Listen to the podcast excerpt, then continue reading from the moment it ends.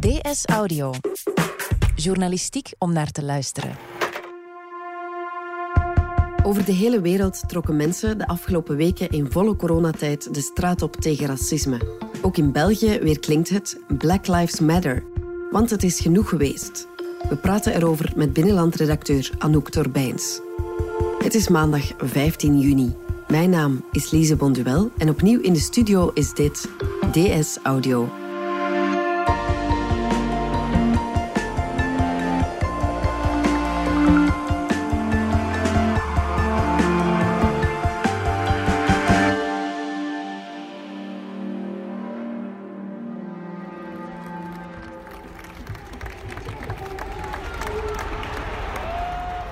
Anouk, jij was bij het Black Lives Matter-protest in Brussel. Had je zelf verwacht dat daar toen 10.000 betogers aan zouden deelnemen? Ja, eigenlijk wel. 10.000, dat is een specifiek getal. Dan is eigenlijk dat ik dat had voorspeld. Maar ik voelde wel aan alles dat Brussel de place to be ging zijn die dag. Uh, het is eigenlijk al begonnen sinds dat die videobeelden van het politiegeweld in de Verenigde Staten overgewaaid zijn, zijn beginnen circuleren op uh, sociale media. Ja dat er echt wel een golf van verontwaardiging, een brede golf van verontwaardiging is ontstaan. En nadien zijn dan ook de, de beelden van de protesten, de Black Lives Matter protesten, hebben die ook gezien. We zagen dat in het Verenigd Koninkrijk, in Frankrijk, in Nederland mensen ook op straat kwamen. En die verontwaardiging uh, is dan gevolgd door een soort van daadkracht. Van wij willen nu actie ondernemen. Ja, we zitten in een coronacrisis, maar uh, de crisis die racisme heet, bestaat al veel langer en we gaan niet wachten. Het is nu de moment om op straat te komen, om nu onze stem te laten horen.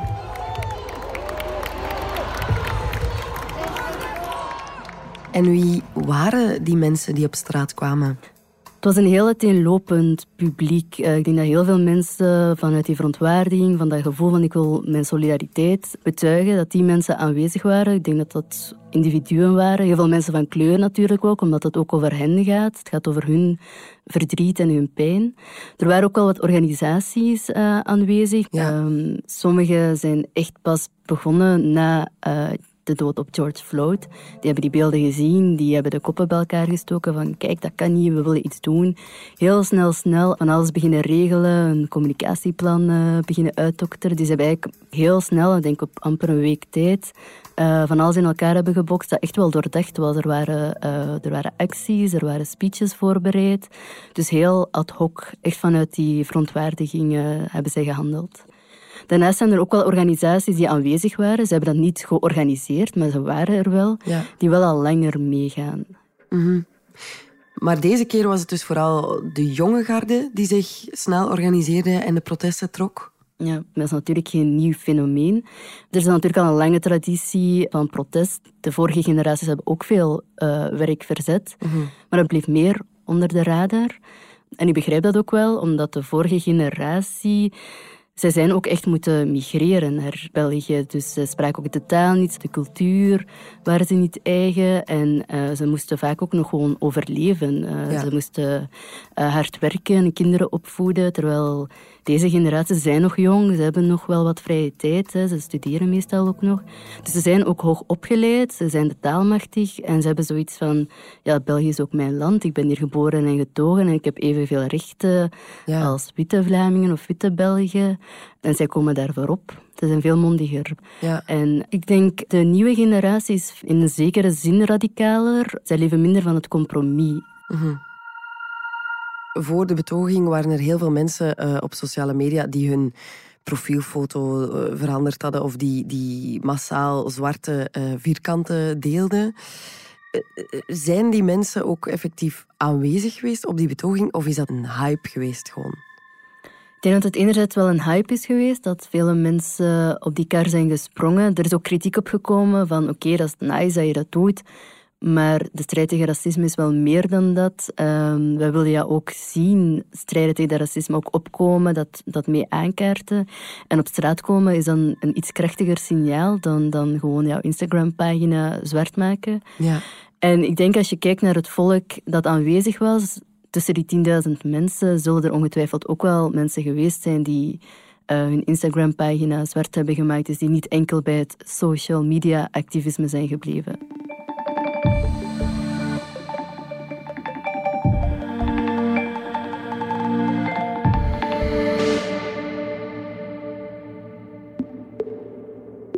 De directe aanleiding voor de Black Lives Matter-protesten in Amerika is natuurlijk de dood van George Floyd, de zwarte man die om het leven kwam door politiegeweld.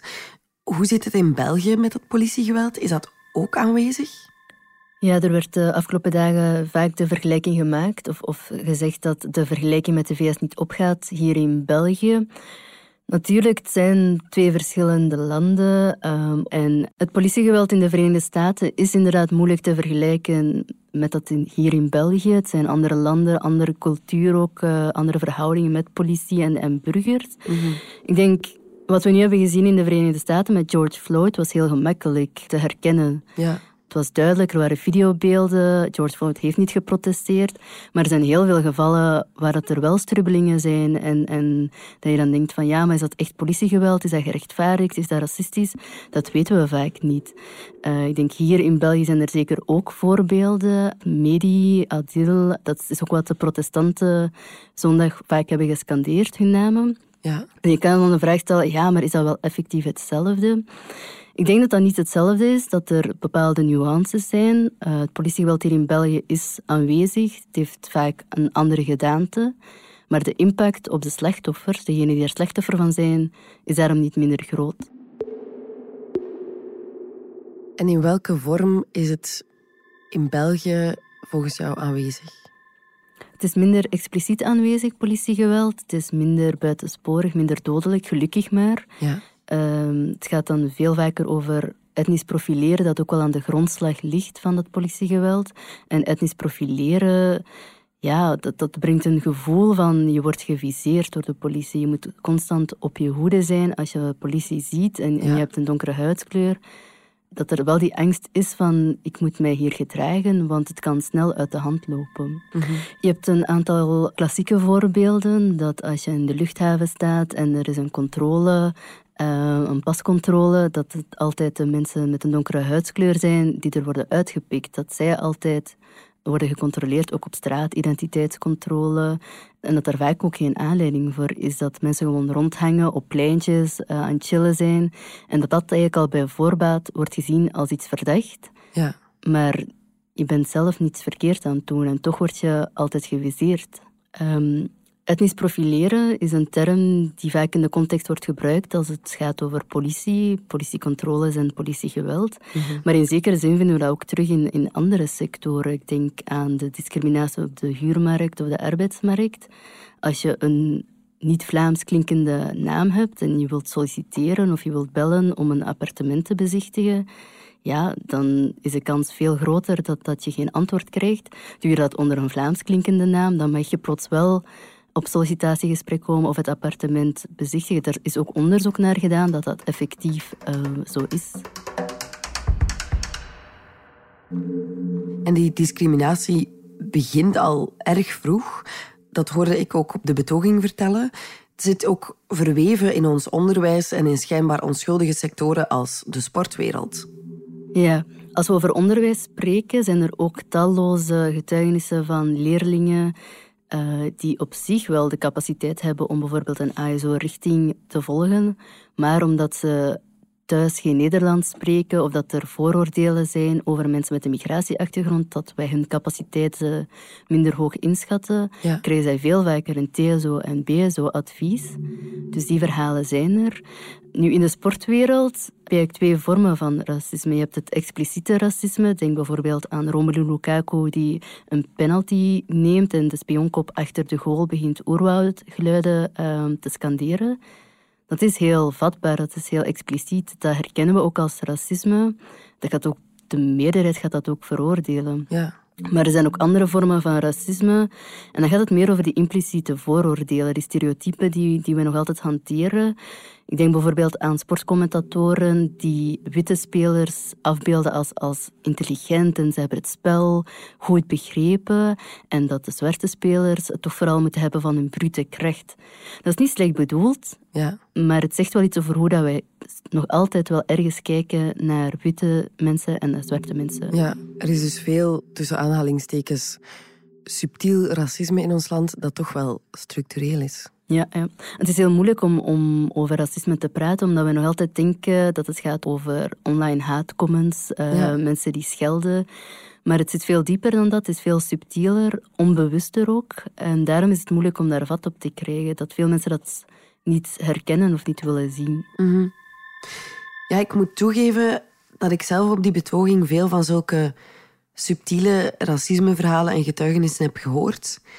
En ik schrok van hoe vaak dat blijkbaar voorkomt.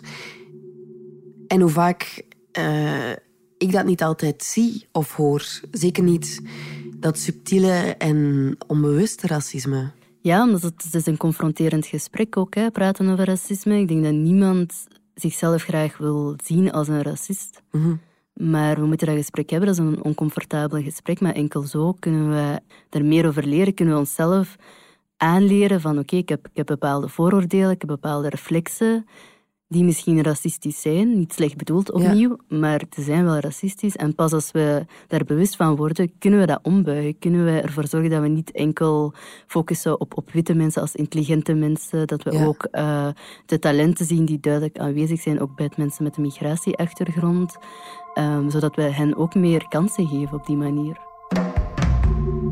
Ja, veel van deze verhalen halen de media ook niet. Hebben de media genoeg aandacht voor deze verhalen? Ik denk dat er inderdaad veel verhalen onder de radar blijven. En als we erover berichten, dat we dat vrij kort doen, dat die verhalen snel tussen de plooien van het ander nieuws uh, vallen. Mhm. Wij als journalisten vergeten die verhalen misschien te snel, maar de mensen waarover het gaat, de gemeenschappen waar het over gaat, zij vergeten dat natuurlijk niet. En dat zag je op die betoging, dat zij nog altijd over die verhalen willen praten, dat die pijn er nog altijd is. Mhm. En dat verraadt volgens mij ook wel een soort blinde vlek die er nog is op de redacties. En dat heeft te maken met de samenstelling, ook hier bij de Standaard. Het is vrij wit. Hè. Ik ben een van de weinige journalisten met een kleur. Mhm. Maar ook dat is niet altijd een, een bepalende factor. Ik denk, we vertrekken altijd vanuit ons eigen referentiekader. En dat is misschien heel wit, maar ook vrij middenklasse. En ja, die verhalen, dat gaat over mensen met, met een andere achtergrond. Uh, cultuur en, en huidskleur, maar ook een socio-economische achtergrond. En daardoor blijven we misschien te vaak blind voor die verhalen.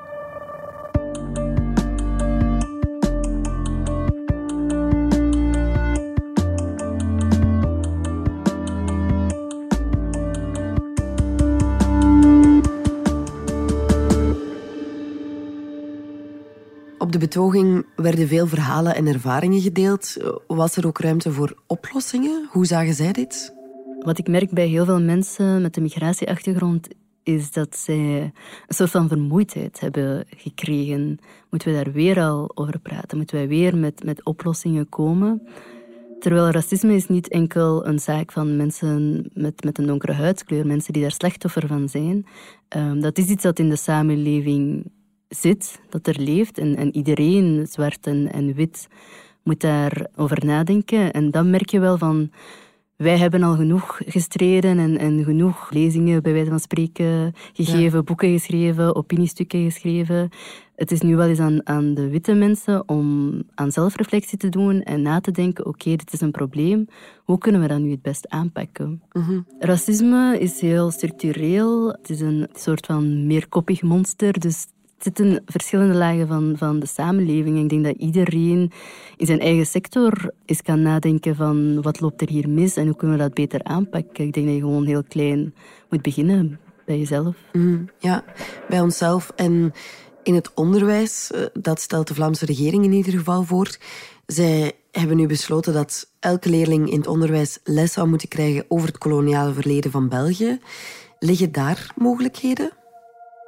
Ik denk dat zeker wel. Het racisme dat we vandaag zien, zowel expliciet als impliciet, de subtiele vooroordelen die we hebben, de stereotypen die we soms nog hanteren, het heeft wel zijn wortels in dat koloniale verleden. En het is pas als wij voldoende onderwezen worden, in het onderwijs, maar misschien ook op andere plaatsen, in de media bijvoorbeeld, dat wij voldoende begrip krijgen over dat koloniale verleden, dat we daardoor ook de link zien met het racisme vandaag de dag. Mhm. En het is pas als we dat racisme voldoende begrijpen, dat we daar ook iets aan kunnen doen. Ja. ja, door het feit dat er in België, maar ook wereldwijd, zoveel volk op straat komt om te demonstreren in volle coronacrisis, lijkt dit een momentum, alsof dat dit het begin is van een structurele verandering? Of zal ook dit debat uitoven?